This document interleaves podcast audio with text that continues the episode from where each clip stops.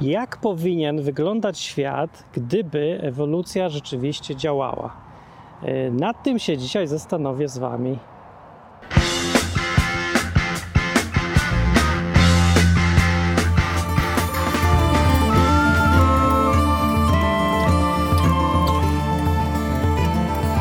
Odwyk od Bogu po ludzku.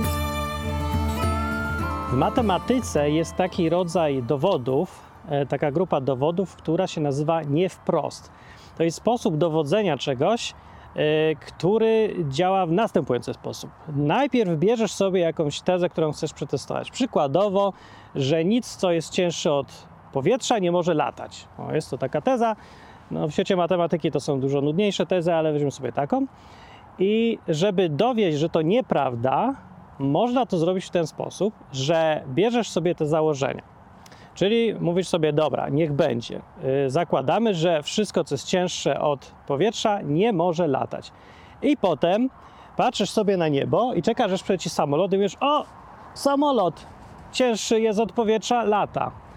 I masz sprzeczność, sprzeczność tego, co wykazałeś, że jest prawdą, z założeniami. I wtedy cała teoria e, jest do dupy i mówisz sobie, ta cała teoria jest nieprawdziwa. No, tak strasznie uprościłem, ale ogólnie o to właśnie chodzi. Takie e, rozumowanie jest absolutnie logiczne i w matematyce jest kompletnym, wystarczającym dowodem, że coś jest nieprawdziwe. E, gorzej w drugą stronę, ale to jest, e, to jest najlepszy dowód, żeby obalać rzeczy.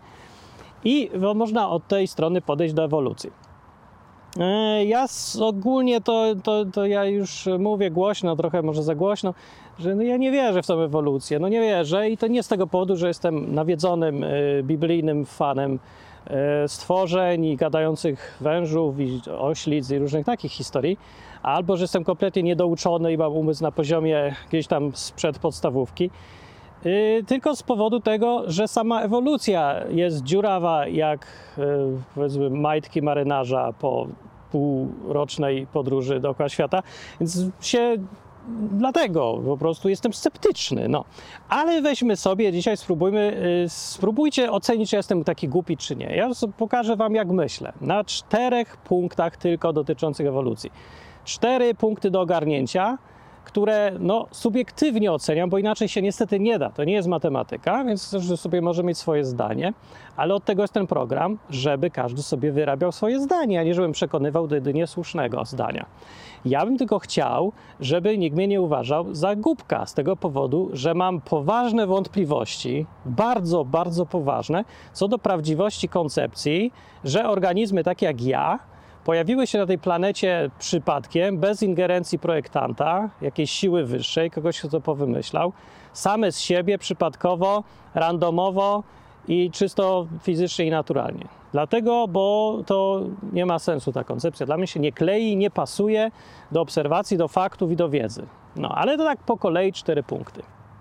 Pierwszy punkt. Co by było, gdyby ewolucja była prawdziwa? Gdyby, gdyby ewolucja działała, przebiegała tak, jak to mówią w szkołach, dzisiaj się popularnie uważa, to przede wszystkim musiałoby być tak, że y, większość organizmów takich jak ja byłoby niedokończone. Dlaczego?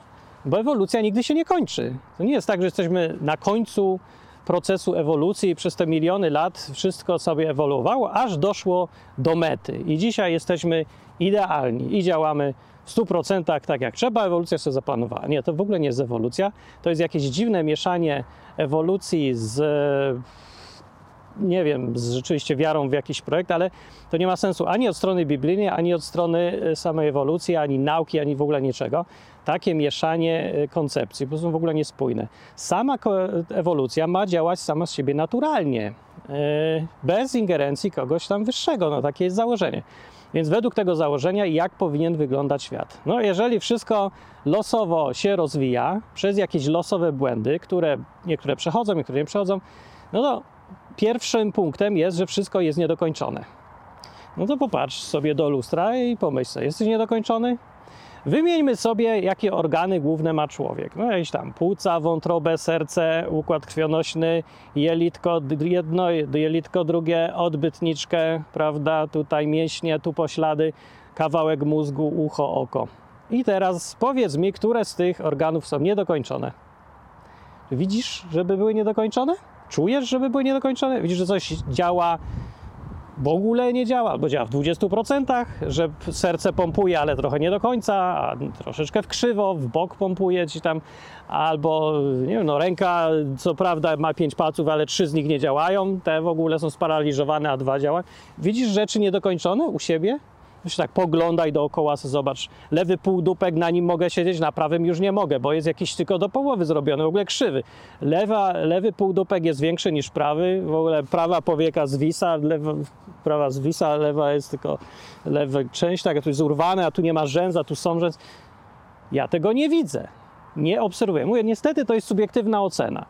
Nie wiem, czy są jakieś dowody do przeprowadzenia możliwe na to, czy jakiś układ jest dokończony, czy niedokończony ale ja mówię, jak ja to widzę. No i staram się ocenić, no, na, moją, e, na mój użytek. Ja tu nikomu nic nie muszę udowadniać. To ja sobie na swój własny rachunek oceniam, czy mój chomik jest dokończonym organizmem, maszynerią biologiczną, czy niedokończoną.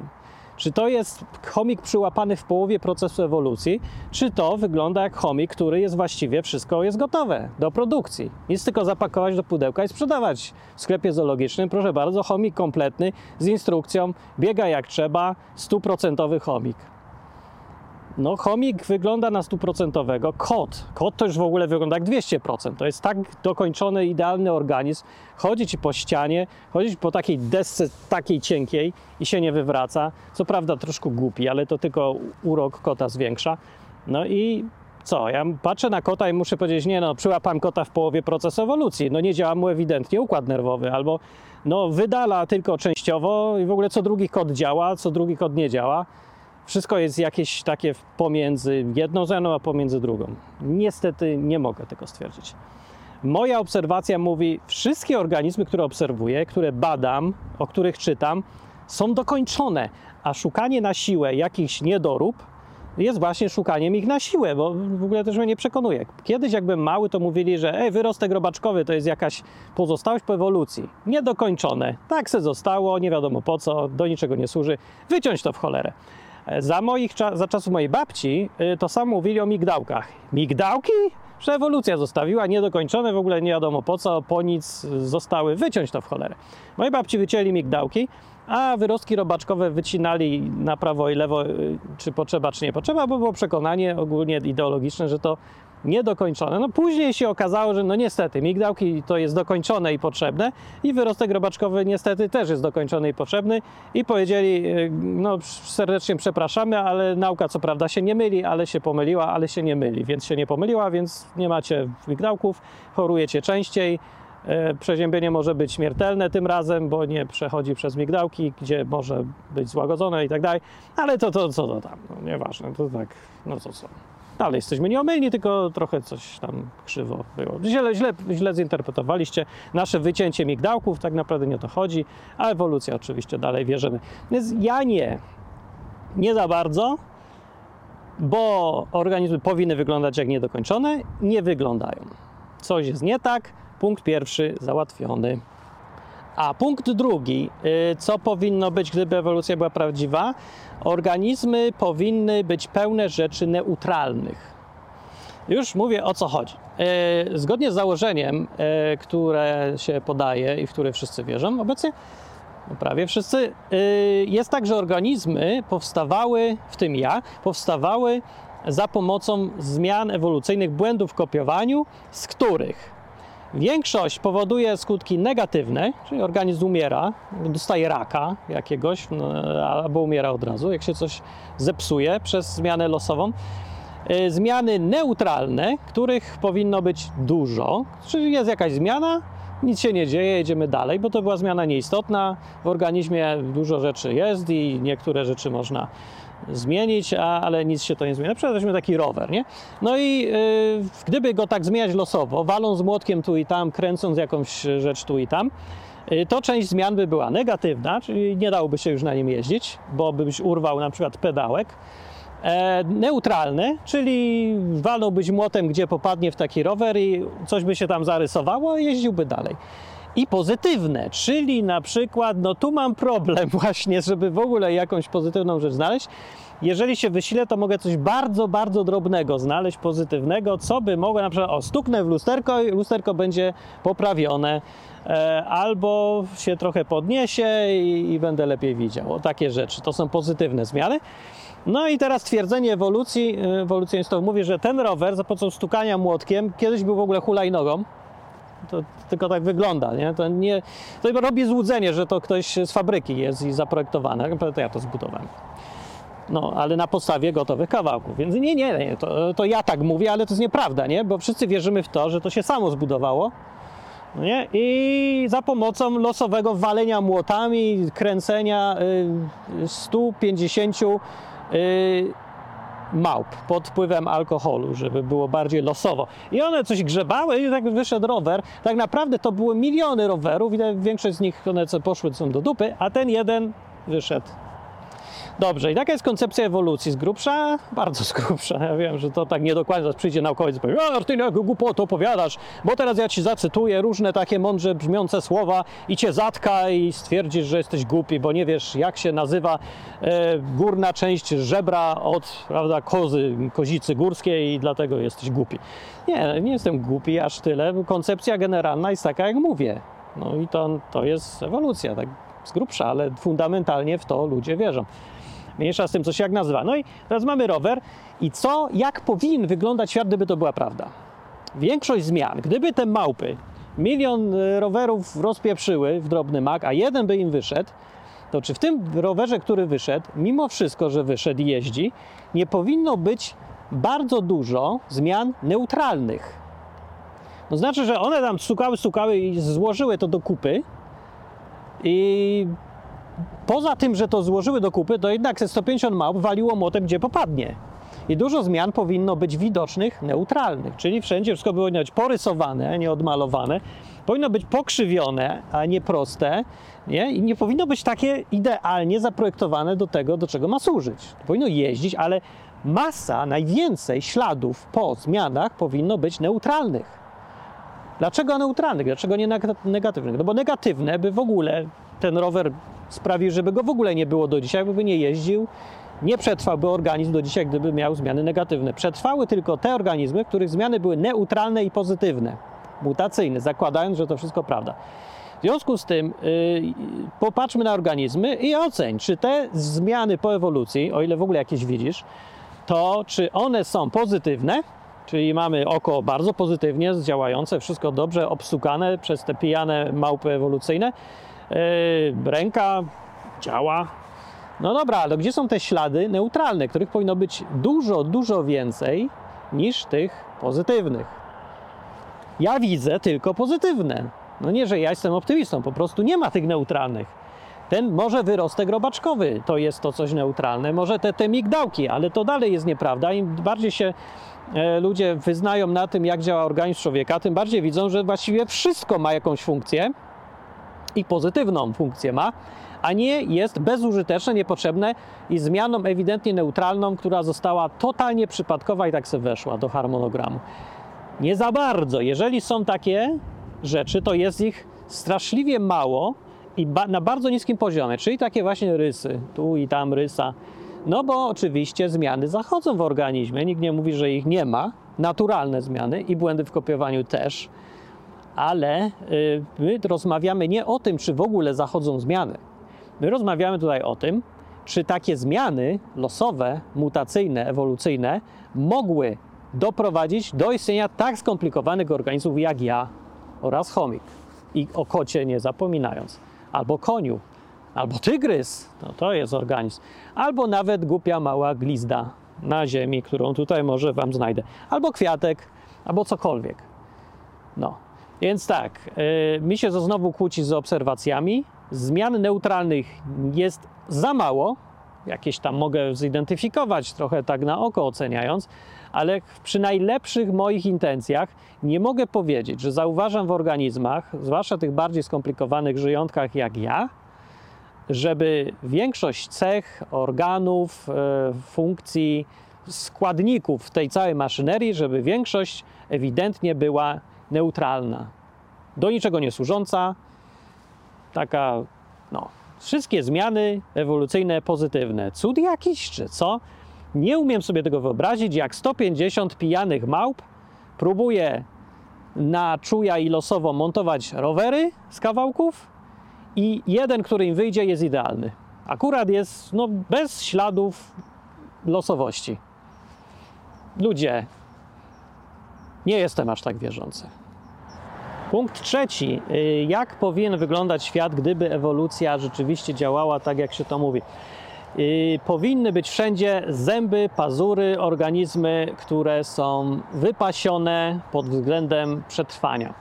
Koncepcja albowiem jest taka, że ta cała losowość by w ogóle nie działała, gdyby nie namiastka projektanta prowadzącego te wszystkie mutacyjne zmiany losowe przez miliony lat. I tą namiastką projektanta inteligencji, która naprawdę nie jest inteligencją, tylko tak jakby robi wrażenie, to jest dobór naturalny i on jest super świętością tej całej koncepcji, na której ona ledwo się trzyma. To jest taka, dobór naturalny to jest taka wielka, znaczy wielka, to jest taka malutka dziewczynka, e, chorowita i o słabych nóżkach, która stoi sobie na podłodze, a na niej wisi taka cała piramida dryblasów różnych, nie? I ta cała podstawa się trzyma tej koncepcji, że jest dobór naturalny i to on ukierunkował te walące małpy, w różne rzeczy, które produkować miały jakieś maszynerie sensowne i on robił za selekcję, czyli on y, decydował, który rower dobry, który rower zły. W świecie żyjątek to się decyduje samo. Nikt nie musi stać i być ekspertem i przed komisją staje, prawda, niedorozwinięty chomik i y, zrobiony przez ewolucyjne procesy mutacyjne i będziemy decydować, czy on przechodzi do następnej fazy, czy nie. No nie, tak się nie dzieje. Zamiast tego eksperta jest po prostu jakiś tam inny tygrys, który zeżre tego chomika, a ten chomik nie zdąży uciec. Albo zadrapać tego, kto go atakuje, albo, y, no właśnie, co ma do wyboru? Przekupić, albo obsikać, na przykład jak skunks to robi, albo się jakoś inaczej wybronić, a następnie, jak już się wybroni, to się elegancko rozmnoży. I rozmnoży się go tak, że będzie go bardzo dużo i w tym sposobem wygra y, z innymi. Więc cała wizja świata według tego scenariusza wygląda tak, że organizmy żywe, one się będą y, chciały zagryzać, jeść się nawzajem, bronić się przed zjadaniem oraz się rozmnażać. I teraz zakładamy, że tak jest. Ja to widzę tak. Gdyby rzeczywiście tak działał świat i to by było motorem napędowym ewolucji i tak by działała natura i przyroda, to ja bym obserwował, że te liście, co tu są, to one by miały kolce większe niż moja ręka. I one by tu nie siedziały tu z jednym y, tutaj krzaku, one by tam były. Do 100 kilometrów w tamtą stronę i 100 kilometrów w tamtą. Bo tak by walczyły, bo by proces ewolucyjny zawsze dobór naturalny według tego scenariusza powinien promować te organizmy, które są jak, jak bardziej jak te chwasty jakieś, tu są kolce. To się bardziej obroni przed żyjątkami. Proszę bardzo, tutaj ktoś już zesrał jakieś żyjątko, bo widać ślady, e, bo się tak pokuł tym czymś tutaj, bo ma jakieś kolce. No tymczasem coś tu nie działa i nie dość, że te kolce to tutaj są e, jakieś małe i tak dziwnie. Gdzie są te wszystkie rośliny, które powinny być e, promowane przez dobór naturalny, jako lepiej broniące się i szybciej rozmnażające się? To się w ogóle nie rozmnaża. Rozmnażaj się szybciej, no. Ewolucja ci każe. Gdzie ty, jak ty przetrwałeś miliony lat głupi krzaku? To jest nic. Patrzcie na tego kwiatka. Przecież to jest nie, nie, nienormalne. Po jaką cholerę ten kwiatek jest ładny? W ogóle po co coś jest ładne? Według doboru naturalnego ładność nie ma żadnego sensu. Więc ja się spodziewam, że w świecie, gdyby rządził wszystkim, dobór naturalny przez miliony lat wypromowałby najlepsze organizmy, czyli rozmnażające się, broniące się, atakujące, zagryzające, szybsze i tak dalej, to świat powinien składać się z zębów, pazurów i kolcy. E, Wszystkie penisy powinny być e, dwumetrowej długości, najlepiej. I właściwie cały czas powinien być jeden wielki wzwód. I co 5 minut zdolność do rozmnażania się następnego. Nie, że coś tam opada komuś, tylko nie, jeszcze bardziej, cały czas coś się rozmnaża. No, bo losowo powinien się trafić taki organizm super rozmnażający się i super e, zagryzający. I ten organizm, zgodnie z procesami ewolucyjnymi, powinien wygrać natychmiast ze wszystkimi innymi. Biorąc nawet pod uwagę to, że to są jakieś ekosystemy i że y, oczywiście w danych warunkach tylko coś jest lepsze, no to i tak generalna koncepcja jest tak sama, nie? No wszystko jedno, czy mówimy o żyjątku żyjącym w wodzie, czy na lądzie, czy na drzewie, czy w cieple, czy w zimnie. I tak, każde się ma rozmnażać i to rozmnażające się lepiej będzie go więcej i przetrwa.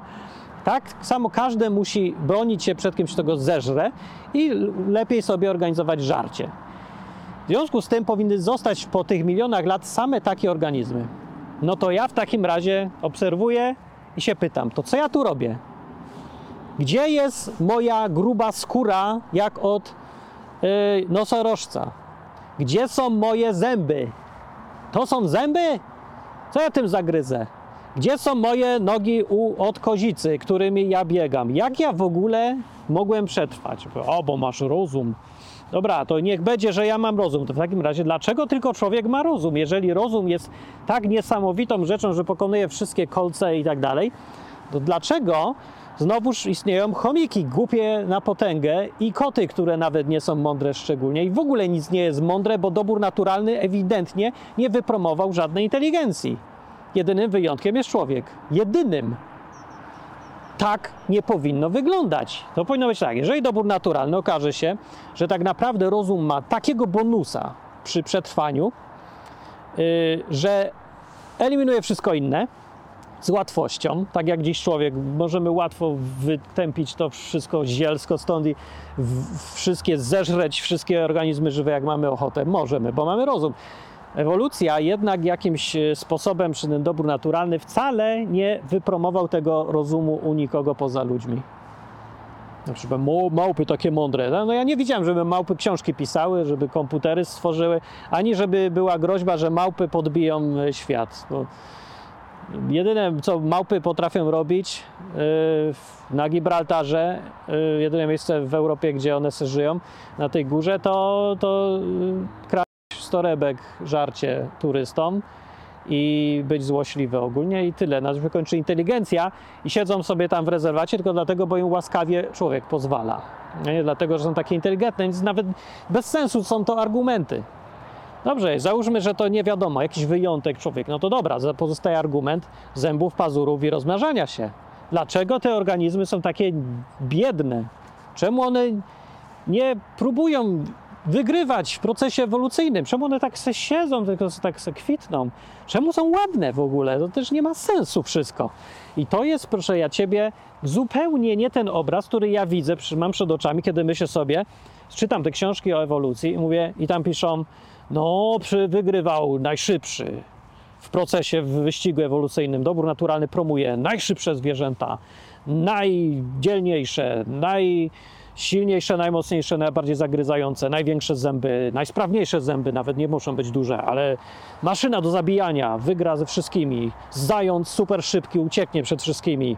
I prawda, królik rozmnoży się tak, że no, możesz ich zagryzać, a ich i tak będzie zawsze więcej, jak zergi w grze StarCraft. I dlaczego świat się nie składa z królików, e, super tygrysów i jakichś jeleni, tak zapieprzających, że nie da się ich zauważyć. Dlaczego to nie jest wypromowane? Wypromowane są takie badyle, chwasty i takie żałosne w ogóle badziewia. To nic nie truje nawet nas. No nie wiem, może w dżungli jest inaczej, a może tutaj w Anglii jest taka jakimś wyjątkiem, gdzie ewolucja nie zachodziła. No niemożliwe, wszędzie miała zachodzić, bo to miał być proces natury. Dlaczego? Dlaczego ja tak biednie wyglądam? Co to jest za skóra? Nawet włosów nie mam za dużo. Trochę. Co to za włosy? Nie ucieknę, nie zagryzę. Inteligencję mam tylko i koniec. Na tym polega inteligencja. I tą inteligencją dochodzę do wniosku, że obserwacja rzeczywistości jest sprzeczna z założeniami. Dobór naturalny albo nie działa, albo działa jakoś inaczej, ale to się nie zgadza. Dlatego mam poważne wątpliwości co do całej koncepcji ewolucji. Punkt trzeci to był. Czwarty zarzut e, co do ewolucji jest autorstwa Charlesa Darwina, który zapoczątkował wiarę w ewolucję, yy, pisząc w książce e, o powstaniu gatunków, Origin of Species, napisał takie zdanie, że jeżeli ktoś znajdzie przypadek, że organizmy żeby przetrwać, muszą ze sobą dobrowolnie współpracować. Jeżeli inaczej mówiąc, znajdzie przypadek symbiozy, to cała jego teoria będzie obalona, bo logicznie niemożliwe by było, żeby przez dobór naturalny ten wyścig o y, zagryzanie się i tak dalej, nie? Wyścig, w tym wyścigu dwa organizmy dobrowolnie współpracowały ze sobą, bo żeby było tak to ułożone, że one wzajemnie od siebie zależą, bo tego, to nie mogłoby powstać, no bo nie ma jak, bo nie mogą się rozwinąć nagle razem dwa gatunki akurat w tym samym momencie y, losowo, tak że od razu są przystosowane do współpracy ze sobą. To jest bez sensu. Charles Darwin wyrzucił taki argument i zgodnie z tym, co napisał, jeżeli mu wierzyć, dzisiaj już wiemy, że nie tylko to są, są takie przypadki, ale tego jest pełno w przyrodzie. Ta współpraca między sobą y, jest bardzo częsta, ta harmonia różnych gatunków, które ze sobą żyją i nie tyle się, nie tylko się zagryzają, polują na siebie, ale tak naprawdę y, mają jakąś wbudowaną współpracę. Tak, tak zorganizowany jest świat roślinek i zwierzątek, że y, wszystko od siebie jest współzależne, a przynajmniej dużo rzeczy i ekosystemy są dużo bardziej skomplikowane niż się to wydawało w czasach, jak była formułowana ta koncepcja. Więc zgodnie z tymi założeniami e, ewolucyjnymi, świat materii żywej, żywych organizmów, powinien być jednym wielkim wyścigiem kapitalistów, e, wyścigiem szczurów o, e, albo bardziej takim czymś jak wyścig polityków o władzę. Więc no zobaczcie sobie, jak wygląda w Polsce, to bardzo ładnie można obserwować, jak wygląda wyścig e, polityków o władzę. Tam się wszyscy chcą zagryzać. Współpraca jest tylko po to, żeby w którymś momencie się zdradzić, że bo wygrywa jeden yy, ogólnie, bo jedna partia, czy tam ten. Że niby to jest grupowe z drugiej strony, ale jak się patrzy na całość, to to nie jest żadna współpraca, to jest ciągła walka. I tak miał, tak jest, taki wniosek płynie z założeń ewolucji. To powinna być ciągła walka, bo to motywuje zmiany do jakichś tam zmian. Nie, bo gdyby y, wszystko miało ze sobą współpracować, no to tak naprawdę to organizmy by nic nie jadły, no bo one się nawzajem zjadają, nie? więc muszą być jakoś wrogo nastawione do siebie i w przyrodzie powinna być ta wrogość ciągła, y, a na pewno nie powinno być żadnej współpracy ani harmonii, bo to w ogóle nie pasuje do świata ewolucji. W świecie ewolucji wszystko się zjada zgodnie z tymi założeniami i wszystko na siebie poluje. No tak, ale tu mamy takie roślinki typu kwiatek tam, o. I ten raz wiemy i też wy wiecie, że tu na tym właśnie kwiatku, dziękuję bardzo, yy, zamówiłem pszczołę na dzisiaj i tu siedzi pszczoła. Proszę bardzo, co ta pszczoła robi z kwiatkiem? Co ona jemu robi? Absolutnie nic. Ona go zapyla. Jak to jest możliwe, że ta pszczoła zapyla kwiatek ewolucyjnie? Od strony ewolucyjnej to, co właśnie widzicie, nie ma żadnego sensu i nie powinno istnieć. To jest tak jak założenie, że e, coś cięższe od powietrza nie może latać i patrzysz, a tu samolot. No to patrzysz, a tutaj jest pszczoła, która nie zjada kwiatka, kwiatek się nie broni przed pszczołą w ogóle, nijak. E, już raz sobie poszła. Pszczoła zeżarła kawałek kwiatka, e, ale nie robi mu żadnej krzywdy. Kwiatek się nie musi bronić w ogóle przed pszczołą i ma wszystko jedno w ogóle, czy się zeżre, czy go nie zeżre. I, wy, I teraz y, ja mam rozumieć, że wyewoluował zupełnie przypadkiem tak, żeby pomagać pszczole żreć. Co to za interes kwiatka jest w tym? Ja, ja nie wiem, jaki to jest interes dla kwiatka. Kwiatek jest tak zrobiony, że żeby przetrwać, to ta pszczoła musi po nim łazić, zeżreć sobie z niego coś i na nóżkach przenieść y, to, co tam, te pyłki na inny kwiatek i wtedy ten inny kwiatek się y, przyjmie sobie pyłki od innego kwiatka i prawda, tak sobie będą się rozmnażać, bo y, potrzebują się zapylać. Zapylenie jest potrzebne, żeby się rozmnożył kwiatek. To się pytam, co za idiota wymyślił kwiatek w ten sposób, od strony ewolucyjnej przetrwania egoizmu natury patrząc, że kwiatek nie może wytrzymać bez pszczoły, bo żeby się rozmnażać, to musi ktoś z zewnątrz przyjść, połazić po nim, przenieść pyłek na inny kwiatek i dopiero może się rozmnożyć. Chcecie mi powiedzieć, że ze wszystkich przypadkowo stworzonych kwiatków i organizmów roślinek, ten projekt, który jest najbardziej zależny od w ogóle innego gatunku, od dobrej woli tego innego gatunku, to on się okazał najbardziej ewolucyjnie sprawny? Że on ma co, najlepsze szanse przetrwania? A to nie prościej jest, jak pojawił się załóżmy ewolucyjnie drugi kwiatek, który ma w dupie wszystkie pszczoły, bo rozmnaża się kiedy jemu się tylko podoba, bo tak się akurat y, losowo zdarzył taki kwiatek, prawda? Rozmnaża się ile wlezie, nie musi czekać na żadną pszczołę, bo się może rozmnożyć w każdej sekundzie. Yy, tak, taki projekt się zrobił. No i teraz yy, do tego, jak ktoś na nim siądzie, to on to zeżre w ogóle, bo o, tak, powiedzmy taki kwiatek byłby to, trochę kolcowaty, o, to już jest ewolucyjny kwiatek, taki kwiatek to ja rozumiem. Ma w dupie pszczołę, same kolce, to jest prawda ewolucja, no to jest kwiatek, to mi się podoba. I powinny być same takie kwiatki. Dlaczego ten kwiatek jest go tutaj tak dziwnie mało, parę sztuk s- stoi, ale większość to są te różne kwiatki takie zapylane przez pszczoły. Co prawda jeden kwiatek z drugim kwiatkiem może sobie żyć razem, to im się nie sprzeczy jakoś ewolucji, ale czemu to w ogóle przetrwało? Jak mogło to w ogóle powstać? Widzieliście pszczołę, która zależy od kwiatków, bo musi to żreć, ale kwiatek, jak mógł powstać, który zależy nawet jego rozmnażanie, przetrwanie od tego, co zrobią pszczoły. Jak mogło to powstać jednocześnie? To jest tak rozwalające rozum. Ja myślę sobie, mówią mi, ewolucja to jest jedna wojna. E, przetrwają organizmy najlepiej rozmnażające się, żrące i uciekające. A tu widzę kwiatek, który nie dość, że wygląda ładnie, do niczego nie służy, nie ma żadnych zdolności obronnych, to jeszcze jest zależny kompletnie od innego gatunku. I to istnieje. I to zostało wypromowane przez dobór naturalny, który ma polegać głównie na eliminowaniu słabych. Nie kumam. W ogóle mi się to w głowie nie mieści. Rozumiem, że pewnie jest, jest na to jakieś są wytłumaczenia mądre, czy takie, na pewno są jakieś mądre i poniżające. Głównie przy takich wypadkach przychodzi ktoś i mówi: Martin, jesteś idiotą. A dowodem na to jest to, że ja znam słowo, które ma 17 sylab i brzmi bardzo z łacińska. I ponieważ ty nie wiesz, co to słowo znaczy, to jesteś idiotą masz się zamknąć i wierzyć w to, co my ci mówimy. Ale ja nie kupuję tego. Nie boję się słów, które mają 17 sylab i brzmią z łacińska, bo wiem, że dalej nikt nie odpowiedział na moje pytanie i problem. Jakim cudem ten kwiatek istnieje z tą pszczołą? Zgodnie z teorią ewolucji nie ma prawa to istnieć. Precz tym. Gdyby była ewolucja i działała, to spodziewam się, że to by było wszystko, co mamy. Takie coś. I to jest piękny kwiatek. Nie ma kolorów. To wyewoluowało jak nic, no. Patrz pan. Po co komu kolory do przeżycia i przetrwania? Mówi, no kolory są, żeby tą pszczółę przywołać, żeby ten motylek przyleciał. A po cholerę ma przylatywać motylek, rozmnażaj się sam.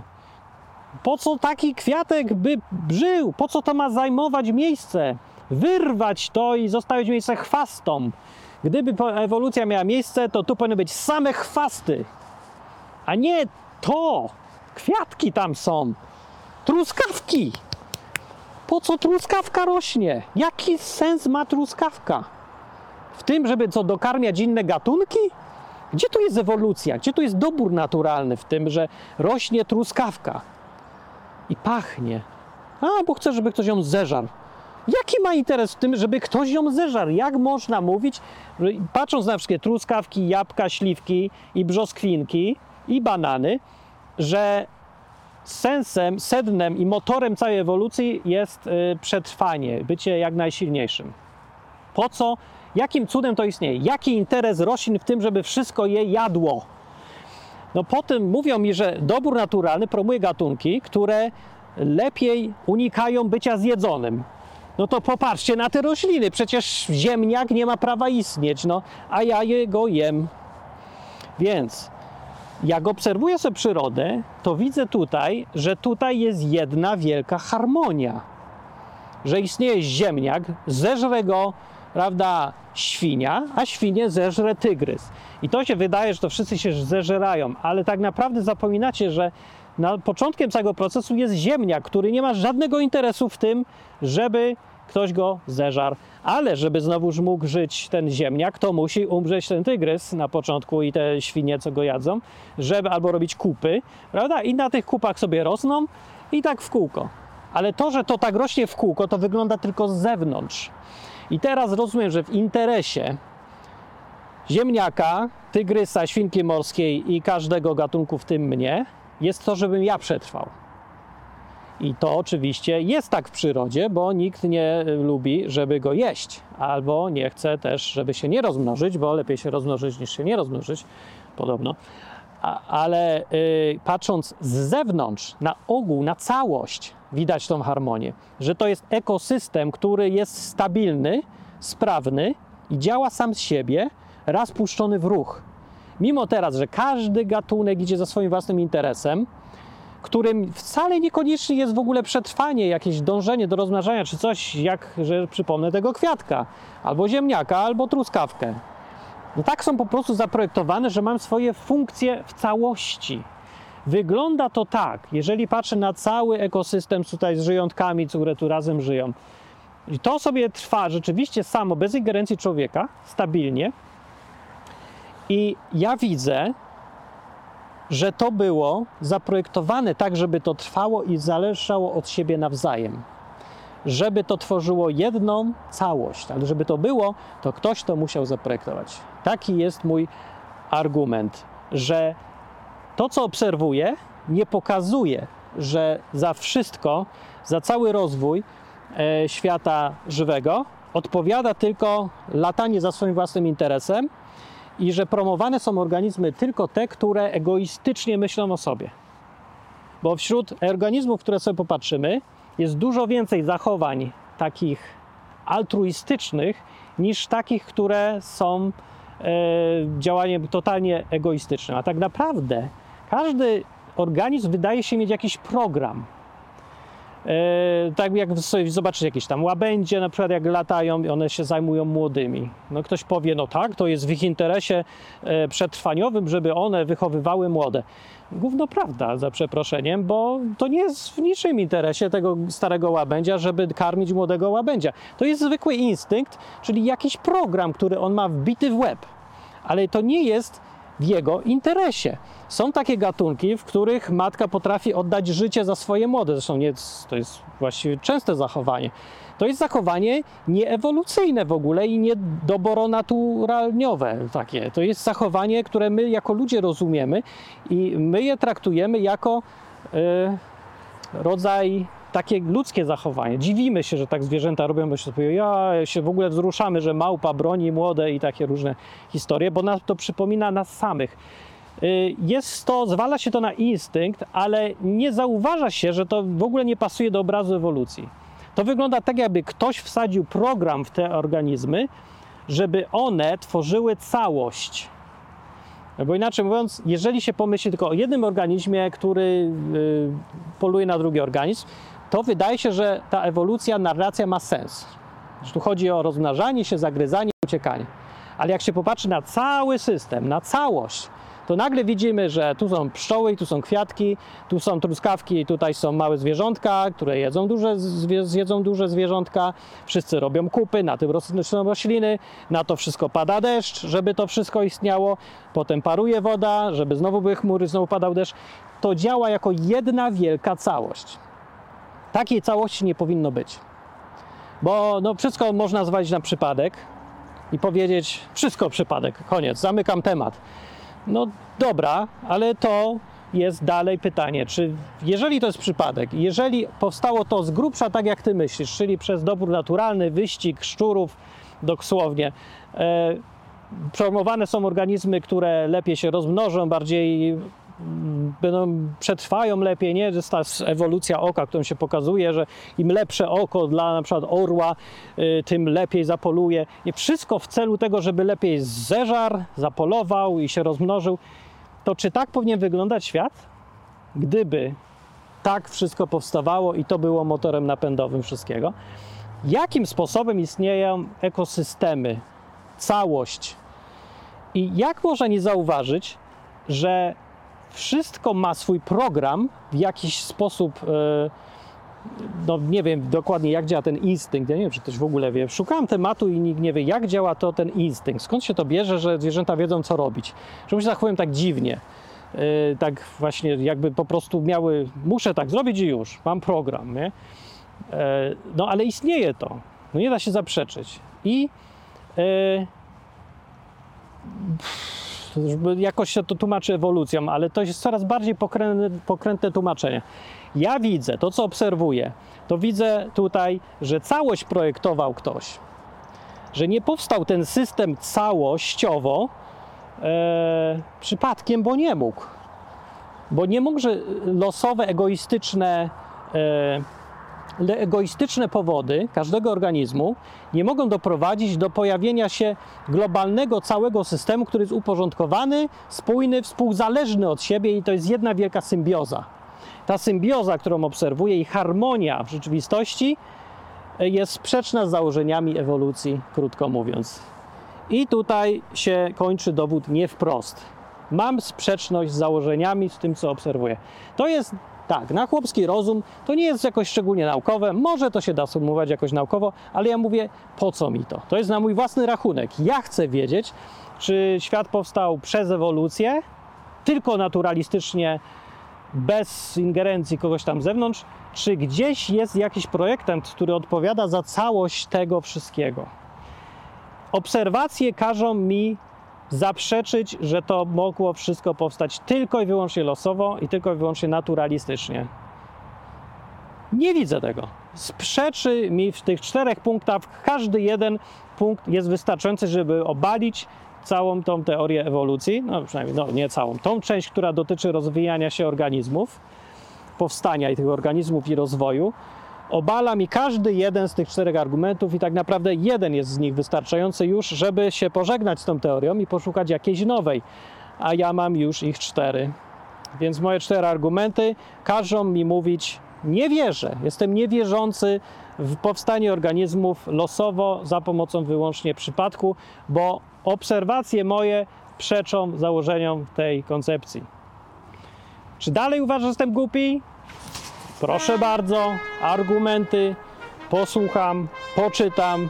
Tylko nie bluzgaj, nie dlatego, że mnie to strasznie boli, bo się przyzwyczaiłem, tylko mnie to nudzi i nudzi mnie to i zanudzasz wszystkich, a do tego może się okazać, że jak masz powiedzmy 15 lat, jesteś tak super pewny tego, że wszyscy są głupi, bo mają inne zdanie niż ty, to pamiętaj, że kiedyś będziesz miał 25 lat i 35 lat i przeczytasz to, co pisałeś w internecie i sobie przypomnisz, że ci będzie głupio na resztę życia, bo sobie przypomnisz, jak miałeś 15 lat, jak strasznie walczyłeś o różne rzeczy i wydawało ci jak wszyscy inni są głupi, a tak naprawdę yy, no, nie chciało ci się po prostu otworzyć umysłu na inne koncepcje.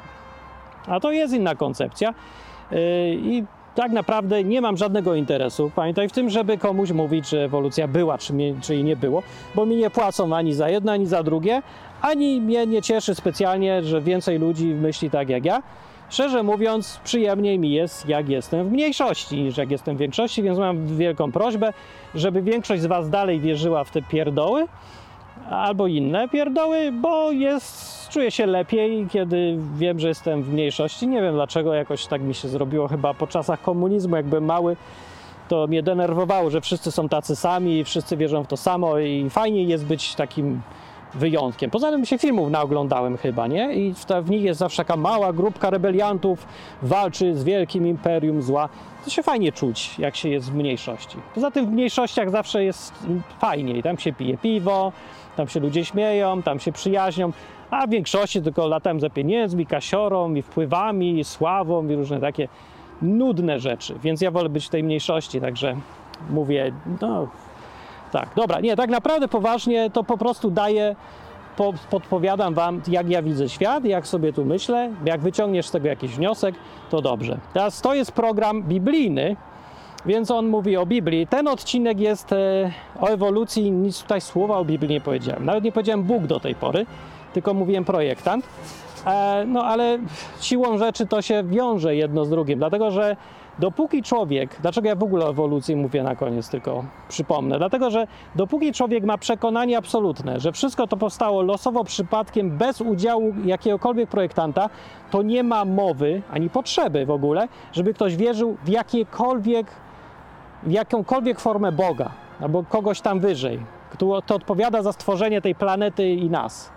No bo po co? No jak małpy wszystko zrobiły, pijane, losowo i dobór naturalny sprawił, że są pszczoły i kwiatki i harmonia i ekosystemy i symbiozy, no to, to gdzie, po co Bóg jakiś? Więc żeby w ogóle zacząć rozmawiać o Biblii, zainteresować się, wziąć pod uwagę, że to nie taka głupia książka może, albo może opisuje rzeczy, które są może częściowo prawdziwe, może całe są prawdziwe, nie wiadomo. W każdym razie, żeby w ogóle o tym pomyśleć, trzeba rozwieść się z prostym przekonaniem, że ewolucja jest w stanie wyjaśnić świat i życie, bo nie jest. Przynajmniej mi się tak wydaje, ja to tak widzę, rozumiem, do tego dochodzę. yy, Bez uprzedzenia jakiegoś kościelnego, jak mówię, nie powoływałem się w tym całym rozumowaniu w ogóle na Biblię do tej pory, ale to się jakoś tam wiąże z yy, wierzeniami, ta cała sprawa. Sama wiara w ewolucję to też jest rodzajem jakimś religii czy wierzeń. No, jedni wierzą w to, drudzy wierzą w to, ale y, ludzie, pogadajmy ze sobą o tym, gadajmy i pokazujmy z, ruch, z dwóch stron, y, bez y, poniżania siebie nawzajem, dlatego że ktoś jest w mniejszości albo że ma pomysły dziwne. Dla wielu ludzi to jest w ogóle dziwna koncepcja, że ktoś, jak można nie wierzyć w ewolucję, przecież to tak nie wierzyć w grawitację. No nie, porównywanie tych dwóch rzeczy już pokazuje, jak tendencyjni są ludzie, którzy promują ewolucję jako religię, y, że próbują ośmieszać każdego, kto tylko ma wątpliwości, ale ja Wam mówię, że wątpliwości mają ludzie, którzy są na bardzo wysokich poziomach e, naukowości, o, na wyżynach. Ludzie z tytułami, ludzie, którzy pracują naukowo, wgłębiają się w jakieś tam szczegóły techniczne. Mało kto z nich wierzy w całości w to, co się uczy w szkołach, właściwie nikt chyba. E, Każdy ma jakieś wątpliwości. Y, tylko jakaś taka popularno-naukowość. Ludzie, którzy są strasznie antykościelnie nastawieni, nastawieni, oni po internetach e, wojują straszliwie na rzecz tej ewolucji. Nie wiem czemu aż tak strasznie, może właśnie po to, bo są bardzo anty, anty, antyboży, czy nie wiem jak to tam powiedzieć. Ich denerwuje sama koncepcja, że ktoś jednak jest w świecie, e, a nie tylko sama materia i natura. Nie wiem, nie, nie chce mi się zgłębiać tego tematu. Tak czy inaczej, dzięki za słuchanie. To był odwyk o ewolucji. Ciekawy jestem opinii. Tutaj już teraz muszę zaakceptować, że ten odcinek jest na YouTube i pójdzie w świat. Niestety będzie dużo różnego syfu pewnie w komentarzach. No to trudno, no. No co, ludzie są jacy są, no. Jeden my- pomyśli sobie, drugi czeka na okazję, żeby zbluzgać. Proszę bardzo, tylko mówię, mnie to nudzi. Nie będę odpisywał na bluzgania, yy, ale 17 jak ktoś zna te sy- 17-sylabowe mądre słowa, to niech rzuci. To jest żaden argument, ale fajnie jest poczytać 17-sylabowe słowo i wiedzieć, że jesteś taki mądry, bo znasz takie słowa i fajnie, oje, ojejku. Czekaj, klęknę. Dobra, dzięki za słuchanie, a jak chcesz dalej tych odcinków, to słuchaj sobie na stronie odwyk.com albo rzuć co łaska, żebym mógł nagrywać dalej. Dzięki, cześć. No, pokażę mój rower, który małpę zrobiły.